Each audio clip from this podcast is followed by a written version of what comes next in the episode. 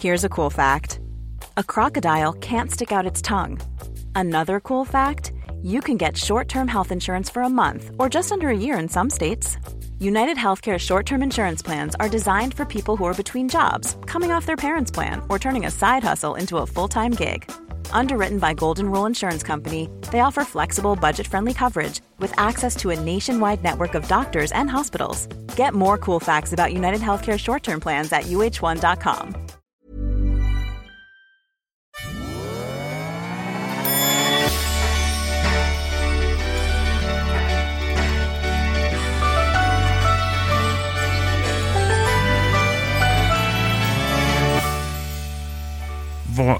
brinner du för nu? Alltså vad är din dröm nu? Din stora dröm? Alltså? Ja, jag kan inte säga att jag har någon...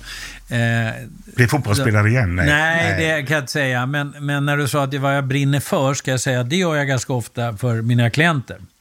Eh, därför att jag är fortfarande, och det är därför jag vill fortsätta vara advokat, och jag ska sluta den dagen jag inte längre kämpar för att de ska ha framgång i, i domstol. Det behöver inte alltid bli en rättvis dom, men man kan förlora målen och så vidare. Men jag ska i alla fall ha gjort allt jag kunnat på den person som har lagt sitt förtroende, sitt liv i mina händer. Då ska jag göra allt. Kan man inte komma för nära? Man kan absolut komma för nära. Mm. Det är därför man aldrig ska företräda någon av ens vänner och sånt där. Utan när jag får vänner, har vänner som får Nej. problem, då är det till andra advokater. För jag skulle tappa min professionella distans. Men om man bortser från vänner, skulle du vid något tillfälle sagt nej, den vill jag inte? Nej. Nej. Jag har eh, Jag- pedofiler, jag har Ja, mm, mördare mm, och allting. mm, och det, mm. det är väldigt farligt att ge sig in i att de brotten tar jag inte och så vidare. För då börjar man säga att man Ja. försvarar brotten. Jag försvarar Ja. inga brott. Nej. Min cykel blev stulen förra året. Jag är fortfarande förbannad på den som tog min cykel. Ja, jävligt fräckt. Jag var inne hos tandläkaren någon. Va? Mitt på ljusan dagen, mitt i centrala Stockholm. va. Mm. Så att brott är förfärligt. Och vi försvarar aldrig brotten. Utan vi försvarar bara rättigheterna. Och då är det farligt om man ska börja sortera ut brotten. Mm. Alltså. Nej, det var ju eh, den tuffaste frågan tror jag jag gav till Johan Eriksson när jag gjorde dokumentärer om Akilov. Ja. Han var ju hans försvarare. Är du en terrorists förlängda arm? Ja, svarade han då. Ja, det tycker jag var konstigt av Johan faktiskt. Jo, men det, så svarar han för att jag företräder honom att han ska få absolut den bästa Ja, försvar. Det håller jag med om att han var. Men, Men, inte eh, förlängd arm på det sättet att han är delskyldig till... Nej, jag själva- fattar. Men Ja. jag tycker att det är viktigt att komma ihåg att en advokat, försvarsadvokat, är en del av rättssamhället. Ja. Eh, Så när vi företräder gängkriminella till exempel, så är inte vi en del av gängkriminaliteten. Vi är en del av rättssamhället Mm. som ska företräda en person därför att vi ska ha ett rättssäkert samhälle och då behöver de en advokat. Men om du har någon framför dig då som är gängkriminell, en boss eller någonting som du känner och vi, nästan vet, det här är inte sant det du säger. Säger du det då till Nej, honom? jag kan säga, man kan ju prata lite i sådär, lite diffust och då kan man säga det här tror jag domstolen får väldigt svårt att tro på. Ja. Och det här, är- det här är nog bevisligt så starkt så jag tycker din invändning låter lite svag. Va? Ja. Sen ska du komma ihåg, det vet ju du, men Ja. inte förvånansvärt få kanske, att det är ju inte sanningen som kommer fram i en domstol. Utan det är bara om åklagaren bevisat eller inte. Det gör ju att vi blir yrkesskadade. Va? Jag kan ju tycka att en dom är helt åt helvete fel, även om jag tror att en klient är skyldig. Därför jag tycker att bevisningen inte räcker. Va?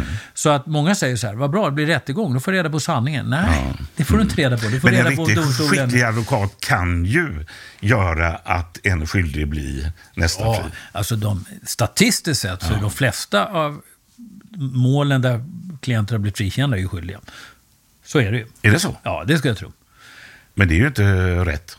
Nej, inte om du eh, tänker att du ska försöka få så många skyldiga som möjligt. säger Men du får ju också då så många oskyldiga som möjligt. Jag var nere i Gaza en gång för internationella juristkommissionen. Mm, Då berättade de börjat med rättegång, palestinska rättegångar i Gaza. Då sa han så här, vi tar in 100 stycken i taget, då vet vi att 10 är skyldiga. Om sa jag, men du är 90 oskyldiga. Ja, det är de. Men vi får 10 skyldiga. Och jag sa, ja men du får ju 90 oskyldiga. Ja, men vi får 10 skyldiga. Så höll vi på sådär, fram och tillbaka. Det var hans sätt att få fast 10 skyldiga. Ja. Tänk om det blir så i Sverige så småningom. Ja, och när du har till exempel sexualmål så är det ju så att det finns nog inget där så många oskyldiga går fria, men så många skyldiga som också är, alltså oskyldiga som sitter i fängelse. Är det så? Ja, det är det absolut. Därför att det är så svårt att bevisa vad händer liksom inne i sängkammaren. Men var du inte en av de som inledde och till och med föreslog den här lagen som gör att eh, ja, det är någonting där du... Med samtycke? Ja, samtycke. Nej, det var ja. det faktiskt inte, men det har kommit efter. Men det är, det är inte egentligen det som är felet, utan det kommer alltid vara problem med sexualbrott som inte har våld i sig, därför att det är ju ofta bara en kvinna och en man som Mm. kan säga någonting. Och eh, min största kritik mot domstolen är att de fortfarande tror att de kan avgöra om en människa ljuger eller inte, vilket Ja. är helt omöjligt. De kan nä- nästan lika gärna kasta tärning. Men var du inte med och genomförde en lagstiftning Jo då, det vad det gäller jag. detta? Det vill säga, det krävs inte fysiskt våld. Nej, det är helt riktigt. Och det Eh, var väl en skärpning som Ja, det var det absolut. Och det tycker jag var helt rätt. Det vill säga att man kan vara i en väldigt utsatt situation, man kan vara så berusad så att det blir som ett sexuellt, alltså våldtäkt. Så det var jag absolut med.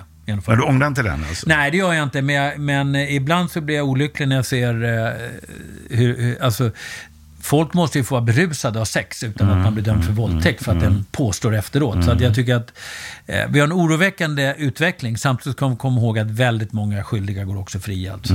Det är, men vi måste acceptera att det här är jätte, jättesvårt. Va? Vi kan inte jämföra det med narkotikabrott. Där är ju nästan 100% uppklarning. Eller rattfylleri. Så där är du lite självkritisk alltså? Eller? Ja, fast jag tycker egentligen inte det är lagstiftningen som är fel, utan jag tycker det är tillämpningen i domstolarna. Jo, men du- att de för mycket tror Tillämpning på... kommer ju till eftersom Jo, lagstiftningen alltså det som jag tycker är felet är att man fortfarande inbillar sig att man kan tro om en målsägande talar sanning eller inte. Det är min största kritik. Och Mm. det kan man helt enkelt inte. Det är vetenskapligt bevisat. Procenten ligger alltså på 52 procent, det vill säga man har 50 procent från Mm. början. Så det är strax över att s- slå med en tärning. Det har ingenting med att göra hur man, hur man uppträder, om man ser nervös ut, att man flackar med blicken. Ingenting har det med att göra. Utan det, folk ljuger mycket, mycket bättre än de tror, men man är mycket, mycket sämre på att avgöra om andra ljuger. Det är vetenskapen.